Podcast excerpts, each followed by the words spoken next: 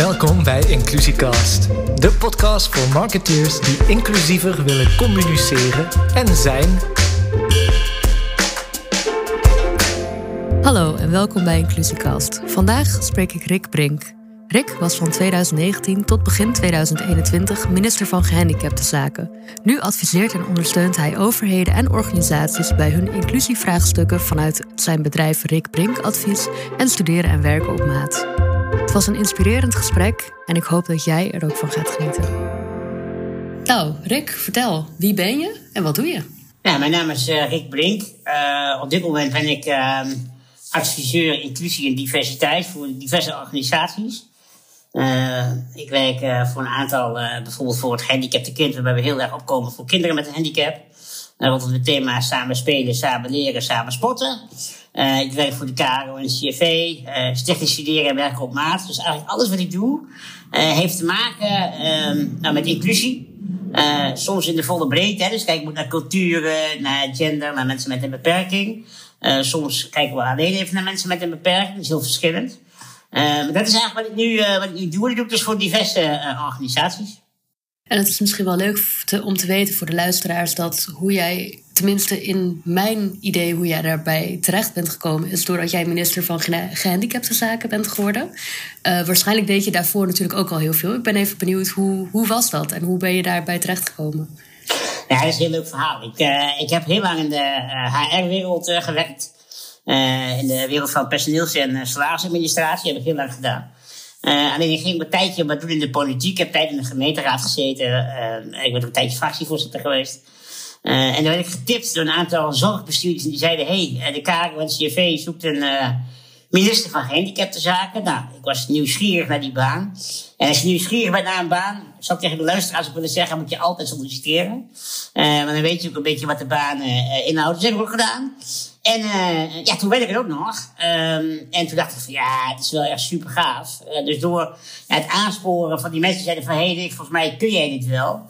Uh, want het gaat over een stukje media, een stukje belangenbehartiging en een stukje politiek. nou, en die drie werelden, daar voel ik me doorgaans wel in, in thuis. En toen zag ik ook wel dat er voor mensen met een beperking echt nog heel veel te doen is. en ja, toen dacht ik gewoon van ja, hier moet ik gewoon echt mijn steentje aan bijdragen. En dat moet ik ook vooral blijven doen. En, en hoe heb je die tijd beleefd zelf? Het begon dus een heel onschuldig uh, avontuur. En uh, ja, gaandeweg vielen er ook mensen af. Dus toen dacht ik van, nou, ik kom wel steeds dichter uh, bij het vuur. Toen werd het. En toen was het ook meteen. Er zat helemaal geen overgang in, of een soort van inwerkperiode. Sue die trok de gouden envelop los en die zei, het is Rick. Nou, en vanaf die tijd is mijn leven echt compleet veranderd. Tot de dag van vandaag. Uh, ja, je cross gewoon het hele land door. Je bent echt met allerlei dingen bezig. Mensen vragen veel advies. Uh, nou ja, weet je, dat soort aan ministeries aan toe. Hè? Dus het gaat echt wel in de volle breedte. Maar je moest ook heel veel inlezen in allerlei soorten beperkingen. Hè? Want ik heb natuurlijk zelf een beperking, maar er is er maar één. Uh, maar ik wilde wel kennis vergaren van ja, heel veel beperkingen. Dus ik heb heel veel, uh, ja, echt gewoon koffie moeten drinken met mensen om te vertellen van hey, hoe is het nou voor jou? En als mensen het zelf niet kunnen, dan zag ik altijd de verbinding met bijvoorbeeld ouders, verzorgers of mensen van bepaalde belangenverenigingen. Dus het was een hele hectische periode, maar ook wel een hele mooie periode. Ik ben uh, de omroep uh, enorm dankbaar dat ze dit hebben gedaan. En we werken ook met een fantastisch leuk team, uh, waar we ook nog af en toe nog eens contact mee hebben. en we gingen ook geen enkel onderwerp uit de weg. Dus we hebben ingewikkelde onderwerpen, spannende onderwerpen. We hebben echt alles gewoon bij de hand gepakt. Uh, want ik vond ook wel, als je echt zo'n minister wilt zijn, ja, dan moet je gewoon lef hebben. Dus uh, ik kijk er met een heel warm gevoel kijk ik erop terug. En als je het dan hebt over lef hebben, waar uitzicht dat dan in bij jou?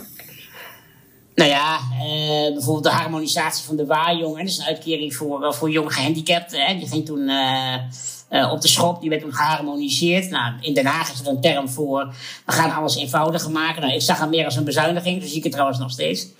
Uh, nou, toen hebben we wel ook wel gezegd van jongens, als we nu uh, naar de inhoud uh, 110% goed hebben. En we gaan met dat verhaal naar een staatssecretaris. Ja, dan komt er ook weer een politiek debat op gang. maar dan ga je je wel echt mengen. en je bent verbonden aan de publieke omroep. Dus je hebt ook best wel veel ja, kanalen om echt impact te maken. Om ook echt heel zichtbaar te zijn. Mm -hmm. ja, dat was in het begin natuurlijk wel een beetje spannend. Hè? Het is natuurlijk als je als je op een kantoor zit achter een bureau, het is een veiligere omgeving dan wanneer je eh, in een televisiestudio zit of ergens anders. Ja, je bent gewoon onwijs zichtbaar geworden natuurlijk. En, en daarmee ook jouw mening en je staat echt ergens voor. Ja, ja, maar het is wel, want, ik, want dat vond ik in het begin wel spannend. Kijk, je bent natuurlijk wel een minister die, uh, die is gekozen uit een televisieprogramma en niet uit de democratie, hè? Uh, zoals het normaal gaat bij een minister. Um, uh, en dat is wel een hele dunne balans. Want als je je inhoud niet goed zou snappen of niet goed zou kennen, uh, dan wordt zo'n minister heel snel een lachertje. Want dan gaan ze echt zeggen van, zie je nog wel. Uh, Dus vooral in het begin vond ik dat wel spannend. Dan dacht ik ook eens een keer een uurtje korter van geslapen. Van ja, we moeten nu wel zorgen dat als we iets roepen... of als we iets op de agenda willen zetten... dan moet de argumentatie daaromheen wel 110% kloppen. Want anders dan... Ja, anders zijn we nog wel weg, snap je? Dus, dus daar hebben we wel heel veel tijd en aandacht aan besteed. Ja, mooi. Ja, dat het voelde als we hebben één kans nu. En we hebben een hele goede en mooie kans. En we moeten wel zorgen dat we het nu goed doen. Mooi dat je het zo serieus neemt en dat het zo. Dat je ook iedereen erin meeneemt, inderdaad. Dat je zelf ook heel inclusief ernaar kijkt. Ja, ik heb echt in het begin gezegd. Uh, ook toen ik echt in het begin van de hele uh, sollicitatieprocedure heb ik echt gezegd van ik wil die minister zijn voor alle mensen met een beperking. En ook uh, voor alle generaties van mensen die moeten leven met een beperking. Uh, en ik heb vanaf het begin af aan heb ik het uh, gewoon echt heel serieus genomen. Want ik heb natuurlijk al even een beetje rond, rondgekeken. En ik zag op jouw website staan waar je advies geeft dat je niet kijkt naar de beperkingen, maar naar de kansen. Kun je me vertellen hoe dat er in jouw dagelijks leven uitziet, in het advies dat je geeft? Uh, Jazeker. Uh, nou, kijk bijvoorbeeld maar de arbeidsparticipatie van mensen met een beperking. Uh, je ziet dat uh, de arbeidsparticipatie van mensen met een zichtbare beperking kan nog veel beter, maar die komt nou, mondjesmaat wel op gang. Hè. Daar speelt een banenafspraak ook wel een rol. Hè. Dus een afspraak die we in Nederland hebben gemaakt, waar het gaat om het aantal banen voor mensen met een beperking. Ehm, maar voor de mensen met een onzichtbare beperking is die lastig. omdat het daar ook wat lastiger is af te tasten van, hé, wat heeft iemand nou nodig? Als je iemand met een rolstoel meeneemt, dan is het heel logisch dat je denkt van, nou, misschien moeten we een drempel weghalen, misschien moeten we de deur wat maken, hè, om even een beetje simpel te duiden. Uh, maar als je iemand hebt met autisme, of iemand die snel overprikkeld raakt, of iemand die misschien wel een angststoornis heeft, uh, ja, dan is het natuurlijk moeilijk, moeilijker om te zien van, hé, hey, wat heeft iemand hier nou nodig? Uh, nou, en, ik, probeer vanuit Stichting Studeren en Werk op Matig proberen we die jongeren ook echt te helpen. En op de plaatsen bij werkgevers dan dus echt uh, termen als ik heb daar geen tijd voor of dat kost me te veel tijd. Dat is bij mij echt een no-go. En dus dan gaan we gewoon samen met mensen die daar open voor staan, die, hebben, nou, die, die, die wel gemotiveerd zijn om er iets mee te doen. Hè, want dat is natuurlijk wel, ik kan die mensen niet uh, ja, echt door de straat duwen, zeg maar, dat gaat niet. nee. Uh, maar ik kan nee. wel samen net zo lang puzzelen dat het past. Uh, dus er is altijd een mogelijkheid. Mensen hebben ook altijd talent. En ook al heb je nou een ernstig eenvoudige beperking, iedereen in dit land heeft talent. En ik vind gewoon dat we als samenleving zijn er iets opener moeten staan om ruimte te geven aan die talenten. Uh, nou, en daarin ga ik wel heel ver. Ik kijk altijd naar kansen. Dat doe ik in mijn eigen leven. Uh, en dat probeer ik nou ja, ook voor de leven te doen van andere mensen. En ook ja, de samenleving daar een beetje bewust van maken. Zoiets. En wat, wat ik me afvragen, want je hebt het over zichtbare en onzichtbare beperkingen. En dan vraag ik me ook af, zijn er ook bespreekbare en onbespreekbare beperkingen? Want het is natuurlijk een misschien makkelijker of minder beladen gesprek om het te hebben over iemands uh, mobility aid, dus een rolstoel of zoiets, dan over um, wat je nodig hebt als je uh, snel overprikkeld raakt. Merk ja. jij dat? Dat is heel persoonsafhankelijk. Hmm. Uh, er zitten een paar dingen. Uh, de eerste fase is: heb je de keuze, ja of nee? Hè? Uh, ik neem een grote elektrische rolstoel mee. ik heb eigenlijk niet de keuze om mijn handicap weg te moffelen of om het daar maar gewoon niet over te hebben. Want als ik ergens binnenkom, dan zien ze de rolstoel meteen. En die is ook best, nou, toch wel prominent aanwezig.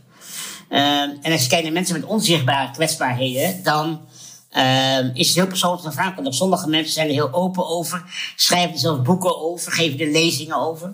Uh, maar er zijn ook wel mensen met uh, onzichtbare beperkingen die het juist heel lastig vinden. Hè, dus die, eh, nou ja, die we ook echt een beetje moeten coachen, een beetje moeten helpen. Een van mij, wat vertel je nou op een comfortabele manier, misschien wat tegen je leidinggevende of tegen je buurman of buurvrouw. Want Kijk, medische de, eh, gegevens over de schutting gooien moet je nooit doen. Hè? Dat mag ook helemaal niet. Dat zou ik ook niemand adviseren. Maar ik denk wel dat het slim is om op, op, een, op een manier die comfortabel is bij jou om daar wel iets over te zeggen. Ehm, en of mensen dat doen, ja of nee, dat is bij mensen met een onzichtbare beperking is dat heel persoonsafhankelijk. Ja, dat kan me voorstellen. Ook omdat je bent natuurlijk afhankelijk van de reactie van de ander. In het geval van een werkgever. Ehm, ja, hoe zij daarmee omgaan. Klopt. Uh, maar ik geloof er ook wel in dat als je daar wel uh, tot op een bepaalde hoogte uh, een beetje open over bent, dat mensen ook de ondersteuning makkelijker kunnen bieden die je nodig hebt. Hè? Mensen, mm. mensen kunnen alleen maar begrip opbrengen voor dingen waar ze iets van weten, anders gaat het niet. Hè? Dus je moet daar wel, maar nogmaals, daar, daar moet je mensen soms echt wel in begeleiden en helpen. maar toch wel op een zekere manier denk ik wel een beetje open over zijn. Want in Nederland zijn er 2 miljoen mensen uit mijn hoofd met een beperking. Ja, om en nabij de 2 miljoen. Ja, en daarvan zullen er een stuk meer een onzichtbare beperking hebben dan een zichtbare beperking, denk ik. Ja. ja. statistisch gezien moet iedereen iemand kennen of met iemand werken met een beperking dan, lijkt mij toch. Ja, iemand zou iemand in zijn buurt moeten hebben, of in zijn familie, of, of, of waar waar. Uh, die een vorm van een beperking heeft. Je zou ook nog kunnen zeggen, van, ja, we hebben allemaal onze beperkingen. Ook weer waar. Maar ik denk dat als je kijkt naar het VN-verdrag handicap, het mensenrechtenverdrag, dat specifiek gaat over de rechten van personen met een beperking. Ja, daarvan zou ik bijna ook durven zeggen. Ja, we hebben allemaal iemand in een omgeving wonen of iemand kennen die, uh, ja, die in die categorie valt. Of in ieder geval de categorie valt.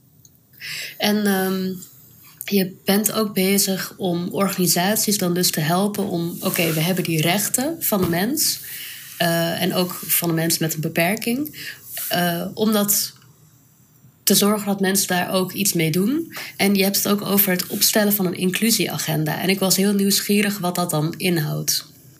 Ja, lokale inclusieagenda is een agenda voor gemeenten. Elke gemeente in Nederland moet een inclusieagenda hebben. Dat is een verplichting wat voorkomt uit dat VN-verdrag handicap. Hè. Dat zegt gewoon, nou, alle gemeentes moeten daarnaar naar handelen.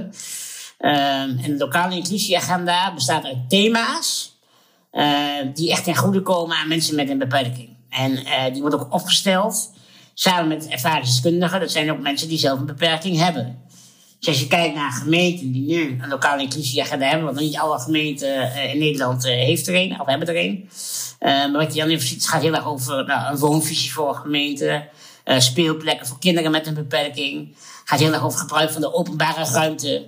Uh, het gaat heel erg over het toegankelijkheid van de horeca. Het gaat uh, heel erg over de bejegening van mensen. Dus niet alleen de fysieke toegankelijkheid, maar ook de sociale toegankelijkheid. Hè? hoe, hoe gaan we om met mensen die een beperking hebben? nou, en die thema's vormen dan zo'n inclusieagenda. Nou, en die is gebonden vaak, of vaak bijna altijd aan een gemeente. Ja, en daar moet de gemeente dus ook naar handelen. Hè. Dus als er in een, in een, lokale inclusieagenda staat van nou, uh, wij willen meer toegankelijke woningen voor mensen met een beperking. Ja, dan moet ik het terugzien in de woonvisie. Maar dan moet ik het ook terugzien in de daadwerkelijke realisatie van die woningen. Hmm. Uh, dus dat is, ja, dat is een lokale inclusieagenda. Dus eigenlijk een agenda uh, waarin je punten benoemt uh, die echt ten goede komen aan de versterking van mensen met een beperking, moet je zien. En want ik, ik ben natuurlijk dan vanuit de communicatie, vanuit mijn communicatieachtergrond heel geïnteresseerd in wat staat er in dat stukje over bejegening. En hoe kunnen we dat dan, hoe kunnen we gemeentes daarop aanspreken? Nou ja, ja, wat er heel erg in staat is bijvoorbeeld, uh, uh, we praten niet over de mensen, maar vooral ook met de mensen. Uh, het gaat ook vooral over een stukje bewustwording. Als je kijkt naar mensen toch weer met die onzichtbare beperkingen. Hè, dus uh, dat we het daarover hebben dat we ook mensen uh, gaan, gaan aanspreken op basis van hun leeftijd, niet op basis van hun lengte. Om maar even iets te zeggen. In mijn geval bijvoorbeeld. dus daar gaat het heel erg over. Het gaat ook heel erg over. Um, maar dat is dan weer meer, meer ook misschien een beetje een kruis tussen maar ook wel een beetje richting de digitale toegankelijkheid. Over welke taal gebruiken we nou, hè? Zowel uh, in spraak, maar ook zeker in geschrift. Hè? Hoe schrijven we dingen op? Zodat mensen het ook allemaal goed uh, kunnen begrijpen. Dus daar gaat het over. Ehm, ja, dus dat is eigenlijk meer een beetje je hebt de fysieke toegankelijkheid, sociale toegankelijkheid. We hebben het ook over digitale toegankelijkheid. En dan gaat het dus ook heel erg over taal. Precies. En wat zie jij als de grootste valkuilen qua taal? Ja, de grootste valkuil qua taal vind ik. Ehm, ja, nou, laat, ik even een heel, heel uh, praktisch voorbeeld geven. Ik mocht laatst een lezing geven voor een groep mensen. En dan gebruikte de term, daar gebruikte iemand het woord lilliputter. En, en, en lilliputter ken ik alleen maar uit sprookjesboeken. Die mensen bestaan helemaal niet. En dus ik heb op een hele vriendelijke manier tegen die persoon gezegd: van, Nou, zei, weet u, ik zeg, lilliputters bestaan niet. Die komen alleen maar voor in sprookjesboeken. En bij de Efteling, je niet oppast. Ik zeg maar, lilliputters bestaan niet. Kleine mensen die bestaan wel. En hier is er een. Nou, toen ging die zaal die ging applaudisseren. En die persoon die kreeg een rood hoofd. Want dat vind ik echt... Dat vind ik zo'n killing. Dat vind ik echt zo... Dat vind ik echt niet oké. Okay. Uh, en daarmee kwets je ook gewoon andere mensen. Die daar gewoon echt heel veel last van hebben. Uh, en dat moet gewoon niet. Dus, dus nou, dat is even een heel praktisch hmm. voorbeeld. Waarvan ja. ik denk qua taal. En daar moet je gewoon echt niet mee aankomen. Nee, en ik hoor jou nu door elkaar telkens de woorden handicap en beperking gebruiken. Heb jij daar zelf een voorkeur in of een mening over? Nee, daar gebruik ik ze door elkaar. Omdat uh, ik in mijn tijdens tenminste van handicap dus eigenlijk wel heb geleerd. Uh, dat als je de, het woord uh, nou ja, handicap gebruikt, of iemand is gehandicapt, dan, dan, ja, dan, dan, dan zeggen de mensen, ja, maar is, eigenlijk moet je mensen met een beperking zeggen. En als je dan dat weer doet, dan zeggen de mensen van, ja, maar ik ben niet beperkt, want ik heb eigenlijk alleen maar mogelijkheden. Ik, ik vind mezelf wel, nou ja, misschien wel gehandicapt. Maar dus eigenlijk, terminologie is een hele lastige. Uh, en die ga je ook nooit voor iedereen goed doen. Hm. Alleen, uh, de zaken gebruiken ze door elkaar. Zelfs is mij om het even. Uh, maar dat is niet onuitreikbaar. Hè? Dus er zijn voor mij wel grenzen. en het woord lilliputten gebruiken is echt zo'n grens. Dan denk ik echt van, ja, tot hier en niet verder. Ja, dat lijkt me ook heel duidelijk dat dat, ja, dat, dat hoe je dat überhaupt in je hoofd kan halen, dat, daar kan ik al niet bij. Maar goed, de, het, ik hoop dat je in ieder geval één iemand nu het juiste pad hebt laten zien op deze manier. en um, we hebben het dan wel natuurlijk meer over mensen met een beperking of mensen met een handicap. En we hebben het niet per se over gehandicapten. Of hoe kijk jij daar tegenaan? Want je bent niet jouw beperking. Laten we dat even voorop stellen. Dat niemand is zijn, haar of hun beperking. Kijk, als je het echt hebt over gehandicapten, ik, dan, moet ik altijd een beetje denken aan. Ja, misschien wel een, ja, het klinkt heel raar, maar ook wel aan bijvoorbeeld. Uh, ja, dan, dan wordt het weer zo'n eenheidsvorst, weet je wel. Oh, dat zijn de gehandicapten. Dat vind ik echt gewoon zwaar gedateerd. Uh, want de gehandicapten bestaan niet. Want het zijn gewoon individuen met allemaal talenten en ook een beperking, maar dat heeft iedereen. Uh, maar het zijn, wat mij betreft, dus gewoon mensen met een handicap. Uh, en ook mensen met een beperking, want dan wordt hij wat individuele van. Maar ik weet zeker dat als mensen deze podcast luisteren, dat ook wel mensen zijn die zeggen van ja, uh, die Rick die, die heeft niet helemaal goed. En dat mag ook, want ik zei al, terminologie is heel erg, is heel erg lastig. Ik probeer het gewoon op zo'n manier in te vullen dat dat ik zo min mogelijk mensen kwets dan wel beledig of, of iets in die zin. Maar dat is natuurlijk het laatste wat ik wil. Ja, dat, nou, dat lijkt me voorop staan. Um, ik heb nog uh, even iets totaal anders. Namelijk um, dat ik zie dat we bepaalde soorten expertise vaak in het bedrijfs- en overheidsleven meer waarderen dan andere. En ik ben vooral benieuwd hoe jij kijkt naar de rol van ervaringsdeskundigen. Want ik zie, die steeds, ik, ik zie dat persoonlijk steeds vaker voorbij komen. Waarschijnlijk omdat ik steeds dieper in de inclusie uh, terechtkom. Um, en dat is toch relatief vaak een soort van vrijwillige uh, baan of een, uh, een, een soort van nice to have. En ik ben heel benieuwd hoe jij daarnaar kijkt. Nou, ik zit er best wel een beetje strak in. Uh, omdat ik vind dat ehm, we moeten in dit land een paar dingen rondom ervaringsdeskundigheid echt beter doen.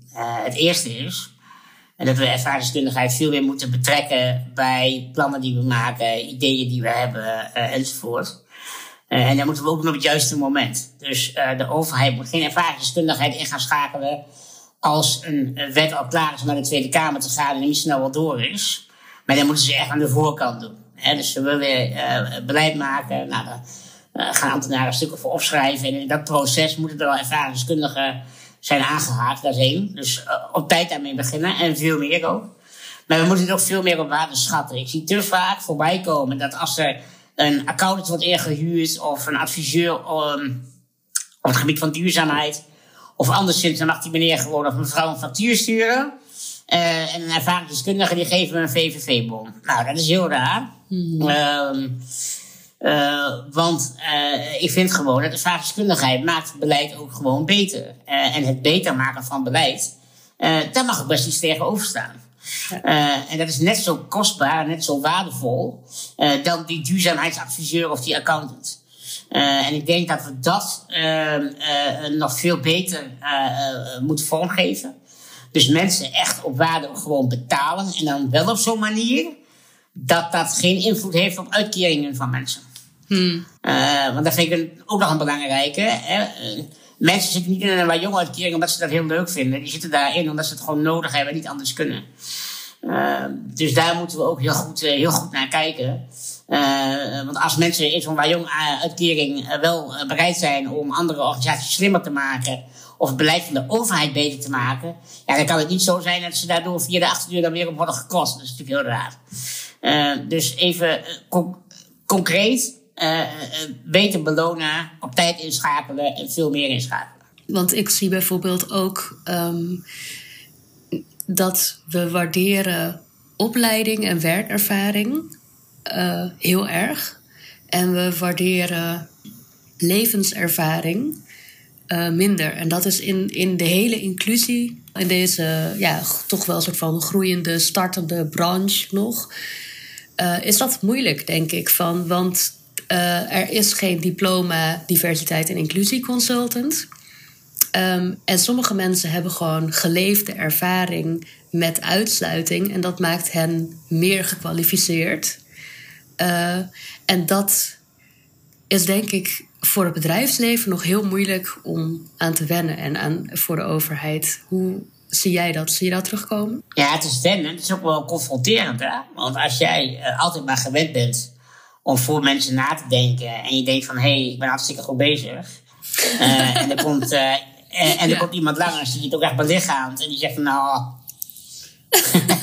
kan wel beter. Ik vind er wel wat van. ja, heel goed. Ja, weet je, dan... Uh, dan uh, ja, dan wordt het soms ook maar eens eentje heel spannend, hè. Dus... Uh, ja, en dan niet iedereen zit daarop te wachten. Dus ik denk dat het inderdaad misschien een stukje onwetendheid is. Maar ik denk dat het ook wel een beetje is van... Soms ook een beetje kop in het zand steken, denk ik hoor. Ja, van we denken dat we het goed doen. Of zolang we niet weten dat we het niet goed doen en niemand vertelt ons dat, dan doen we het goed. ah. Nee, dat is ja, precies. Zoiets, ja, ja. We willen het maar niet ik moet eerlijk zeggen dat als, ik, dat, dat, als, je, als, je, als je kijkt naar het inschakelen van, uh, zie ik wel een stijgende lijn hoor. Die, uh, die zie ik wel. Die zie je wel dat steeds meer uh, organisaties of overheden de slag maken naar het inschakelen van ervaringsdeskundigen. Dat zie ik wel wel meer gebeuren. Um, je had het net al ook even over dat je niet bang bent om moeilijke of uh, soms confronterende onderwerpen uit de weg te gaan. En uh, zelf spreek ik mij ook regelmatig uit over seksualiteit en over consent met name. Uh, en ik vind het heel leuk dan om te zien dat jij je uit hebt gesproken. Um, tegen het verbod op sekswerk. En, ik, en vanuit een interessante, mooi perspectief. Dus ik wil daar heel graag gewoon jouw mening over horen. In mijn tijd als minister van Gehandicaptenzaken sliep ik veel in hotels. En uh, ik zette in de ochtend een keer uh, aan het ontbijt. En ik had mijn iPad zo naast me staan. En uh, toen zag ik dat de ChristenUnie en het CDA het een goed idee zouden vinden om sekswerk strafbaar te stellen dan wel te verbieden.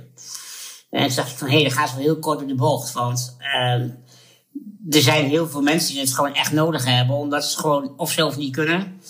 Uh, ja, of omdat ze gewoon moeilijk aan een relatie kunnen komen. En daardoor dus ook heel moeilijk intimiteit ervaren. Dat soort dingen.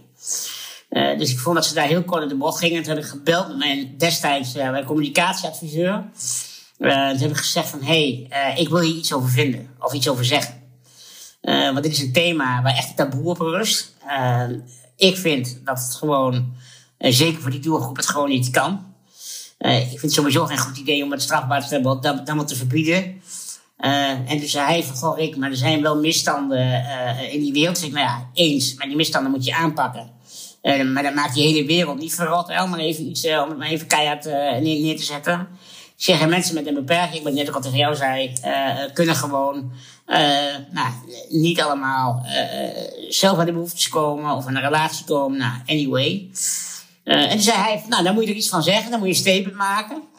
maar weet dan ook dat als je wordt uitgenodigd bij een programma, dat ze ook kunnen vragen, hey, doe eens dat dan voor jou? Nou, toen zei ik, oh, maar dat, dat ga ik wel doen. Daar ben ik niet zo bang voor. Dus, en zo is dat gegaan. Dus ik was toen, dat ik aan het ontbijt zat, was volgens mij iets van acht uur of zo, kwart voor acht uur ochtends. ik had mijn uh, uh, woordvoerder in de telefoon, was een uur of acht. En om half negen heb ik een statement eruit gestuurd. Wauw. Ook, ook, ook in de lijn met nou, de lijn die, nu tegen jou, die, die ik nu tegen jou vertel. En er kwamen heel veel reacties op. ik denk ook wel dat dat qua thema wel eentje is die het meeste impact gemaakt heeft, denk ik. Wat is er toen gebeurd? Uh, nou, wat er is gebeurd is, uh, ik ben zelf CDA-lid, dus ik ging toen even lekker tegen de stroming in. uh, dus ik werd gebeld door een paar mensen, ik ga geen namen noemen. Uh, Hoeft ook niet. Eh, maar die waren natuurlijk niet zo blij. Toen zei ik, nou ja, weet je, ik ben wel dus niet blij. alleen hier is gewoon onvoldoende over nagedacht. jullie hebben dit gewoon niet goed gedaan. en je zag ook wel gewoon dat met de oppositie, hoe kwamen de geluiden van Rick, je hebt gewoon groot gelijk. Uh, en toen werd ik uh, kort daarna gebeld door Radio 1. Uh, eh, en die zeiden van, goh, wil jij vanavond in debat gaan met een Kamerlid van GroenLinks, was volgens mij en een van de ChristenUnie. Nou, je kunt nagaan dat het Kamerlid van GroenLinks was natuurlijk helemaal op mijn hand. Hè. Die vond helemaal dat ik gelijk had. en die van de ChristenUnie, dus die ook voor die wet was, die, ja, die ging natuurlijk vol op het zadel. en die ging natuurlijk tegen me in. Wat ook leuk is, hè, want dat is ook een beetje hoe een debat werkt. Uh, en zo gingen we toen uh, met elkaar het gesprek aan. Uh, nou, en daarna is er wel stuk bewustwording op gang gekomen. En er waren ook heel veel mensen met een beperking die gewoon bij me kwamen. En die zeiden van, hé hey, maar uh, echt tof dat je dit doet, want dit gaat ook wel een beetje over mij. nou, en dat is ook precies waarom die minister er geweest is. om dit soort problemen aan te kaarten. Want elke keer moesten wij de vinger opsteken waar het ging om ja, uh, om allerlei thema's, scholing, werk, wonen, dat soort dingen. Maar het gaat ook over dit soort, uh, over dit soort thema's. Ja, en ik denk ook aan dat we in onze maatschappij dan blijkbaar dus toch... Je moet een bepaalde participatie hebben in de maatschappij om als waardig behandeld te worden. Als je natuurlijk kijkt naar die uitspraak over doorhoud en, en de regelgeving rondom corona en ja, wie beschermen we, wie beschermen we niet, waar zit die grens? Dat, um, dat wat mij ja, vaak pijn doet, is dat we ja, de waarde van een mens is gewoon de waarde van een mens. En elk, en elk mens is even waardig. Los van wat je wel of niet aan de maatschappij in monetaire of andere manieren bijdraagt. Nee, klopt. Klopt. En ik, uh, moet ook eerlijk zeggen, ik ben daar wel een beetje geïrriteerd hoor, in de hele coronapandemie. Toen wij, uh, het ging natuurlijk heel erg over de ouderenzorg, hè, zeker in het begin. Uh, en dat begreep ik ook wel, want er waren natuurlijk enorme hoge sterftecijfers en dergelijke. Alleen uh, over de gehandicaptenzorg hoorde ik eigenlijk helemaal niets. en daar waren ook instellingen gesloten, waardoor ja, ouders niet meer bij kinderen konden, broers en zussen elkaar niet meer konden zien. En daar hebben we toen echt wel boos over gemaakt, want ik snap ook wel dat je, zeker toen wisten we niet hoe het virus zich zal manifesteren. Maar je kunt mensen wel een perspectief geven. Je kunt best zeggen van, hé, hey, als nou die besmettingscijfers onder een bepaald niveau komen, uh, dan mag er best wel weer één iemand op bezoek komen. Dus dan kun je best wel weer uh, mensen toch een keer in de week naar een dagbestedingslocatie laten gaan. En toen veel later die routekaart kwam, dacht ik van ja, dit, dit, is, dit is gewoon heel hard nodig. En, en ik heb er wel een keer bij op ingezeten, heb het ook gezegd. Uh, deze doelgroep is toen ja, gewoon niet goed in beeld geweest. Gewoon niet. En die verbaast me ook wel over. Ik heb het hele rapport nog niet gelezen, maar wat ik nu gezien heb. Uh, het eerste onderzoeksrapport, zeker, wat gaat over het begin van de coronapandemie, zegt daar ook niet zoveel over. Uh, en dat vind ik heel gek, want dit is een hele grote groep mensen die in die instellingen wonen. En die zijn gewoon echt, zeker in het begin van de pandemie, uh, onvoldoende gezien. Uh, niet, niet, niet alleen als je kijkt naar, kunnen we op bezoek, ja of nee, maar ook als kijken naar, hebben die mensen wel beschermingsmiddelen, ja of nee. Um, allemaal, eh, allemaal, allemaal van dat soort dingen. Ja. Hoe kunnen we dat voorkomen? Dat we gewoon een groep vergeten. En ik denk dat dat in, in over, over verschillende groepen kan gaan. Want ik denk dat er meerdere groepen niet of minder gezien zijn. In het, zeker in het begin van de coronacrisis als later. Maar hoe, um, hoe zou jij dat voor je zien, ideaal? Ja, ik denk dat het heel erg te maken heeft met contact. Kijk, als jij door met mensen in contact komt die een beperking hebben, of een beperking heeft, dan uh, ga je daar ook niet je bewust van zijn en ook niet je beleid daarop aanpassen. En als je in Nederland wordt geboren met een handicap, uh, dan zou het maar zo kunnen zijn dat je in een speciaal busje naar een speciale kinderopvang gaat. Dan ga je later met hetzelfde speciale busje naar een speciale school. En dan ben je geen onderdeel meer van je normale sociale leven. En dan heb je later ook een hele hoge drempel uh, bij het vinden van een vervolg van je leven. Kan van alles zijn. Uh, onze samenleving is nog best wel speciaal ingericht voor mensen met een beperking. Uh, en daardoor uh, komen die mensen moeilijker met elkaar in contact. en daardoor vergeten we ze snel. Hè? Want als jij nou ja, ik heb zelf altijd op een reguliere basisschool gezeten. En de klasgenootjes van toen zijn nu aanstormende ouders. En die zeggen ook van, ja Rick, ik kan mijn kinderen nu leren dat mensen met een beperking niet eng zijn of raar. Omdat ik toen bij jou in de klas zat. Uh, nou, dat is hoe we inclusie moeten bouwen. En dat is ook wel een beetje wat we nu dus gewoon nog te weinig doen. Uh, ja, ik een beetje onbekend, maar het onbemind. Maar dat is dus wel wat er aan de hand is. En ik denk dat je veel meer stappen zet in inclusief onderwijs. Uh, inclusieve speelplekken, inclusieve sportverenigingen. Ja, dan ga je veel meer, ja, veel meer inclusief worden. En ontstaat er dus veel meer contact. Welke tips zou jij mensen die nu luisteren kunnen meegeven, zodat ze morgen of nu meteen inclusiever kunnen communiceren? Nou, wat ik eigenlijk wel wil meegeven is oordeel niet te snel. We zijn als mensen altijd heel gauw uh, met het vellen van een oordeel. Dat doen we vaak op basis van een eerste indruk, als we iemand de eerste keer uh, zien. Maar ik had ooit een keer een gesprek met Foppe de Haan, hè, de, de, de, voetbaltrainer, en die zei wel van, zei het heel mooi. Die zei van, je moet niet meteen oordelen, je moet eigenlijk eens kijken van, hé, hey, wie is dit nou? Wie zit hier nou tegenover mij? Hmm. en als een persoon dat zelf niet kan duidelijk maken, dan moet je misschien ook vragen aan iemand die daar omheen is. want als je dat gaat doen, dan ga je veel meer kijken naar de talenten, en ook naar de beperkingen van mensen. En die hebben we allemaal. Dus mijn eerste tip zou zeker zijn: oordeel vooral niet snel. En luister eerst gewoon eens van: hé, hey, wie is dit nou? En, en, en, en wat kan zo iemand nou? En ja, dat is wel een, een tip die ik iedereen, uh, iedereen zou willen meegeven. Want kijk, ik heb ooit eens een keer, toen de minister van Gehandicaptenzaken was, heb ik een keer een gesprek gehad met een vrouw. Uh, was ook moeder van een kindje met ernstige, eenvoudige problematiek. Dat noemen ze een E- en die zei van, goh Rick, je zit heel erg op die grote thema's. Hè? Mensen met een beperking moeten werken. Mensen moeten wonen. Mensen moeten studeren. Uh, maar mijn dochter zal nooit een baan vinden. Die zal nooit een huis kunnen kopen. Die zal ook nooit een relatie aangaan met iemand. Uh, maar zij kan ons gezin wel heel veel liefde geven. Dat is ook een talent. Mm. En ze dacht van, hé, hey, dat is natuurlijk helemaal waar. Uh, maar wat mensen gauw doen, is gewoon kijken naar goh, wie, wie, wie zit er in die rol en ach, goh, wat sneu, wat zielig. Hmm. Uh, maar kijk gewoon eens heel goed naar wie is nou dit en, en ja, wat kan zo iemand nou wel. En ik denk dat dat een hele goede tip is. Mooi, ja, prachtig. Ja, kan ik alleen maar heel erg achter staan. En um, ga je ooit ook voor het ministerschap? Het echte ministerschap? Ja. nou, en denk, weet je, ik ben nu 36. Ik heb nu een hele leuke uh, rollen bij diverse partijen. Uh, dat vind ik heel leuk. ik sluit niet uit dat ik ooit iets ga doen in de politiek, want ik ben wel echt een politiek dier. Maar als je minister wil worden, dan moet je wel nog even wat hordes doorlopen, zou ik bijna willen zeggen.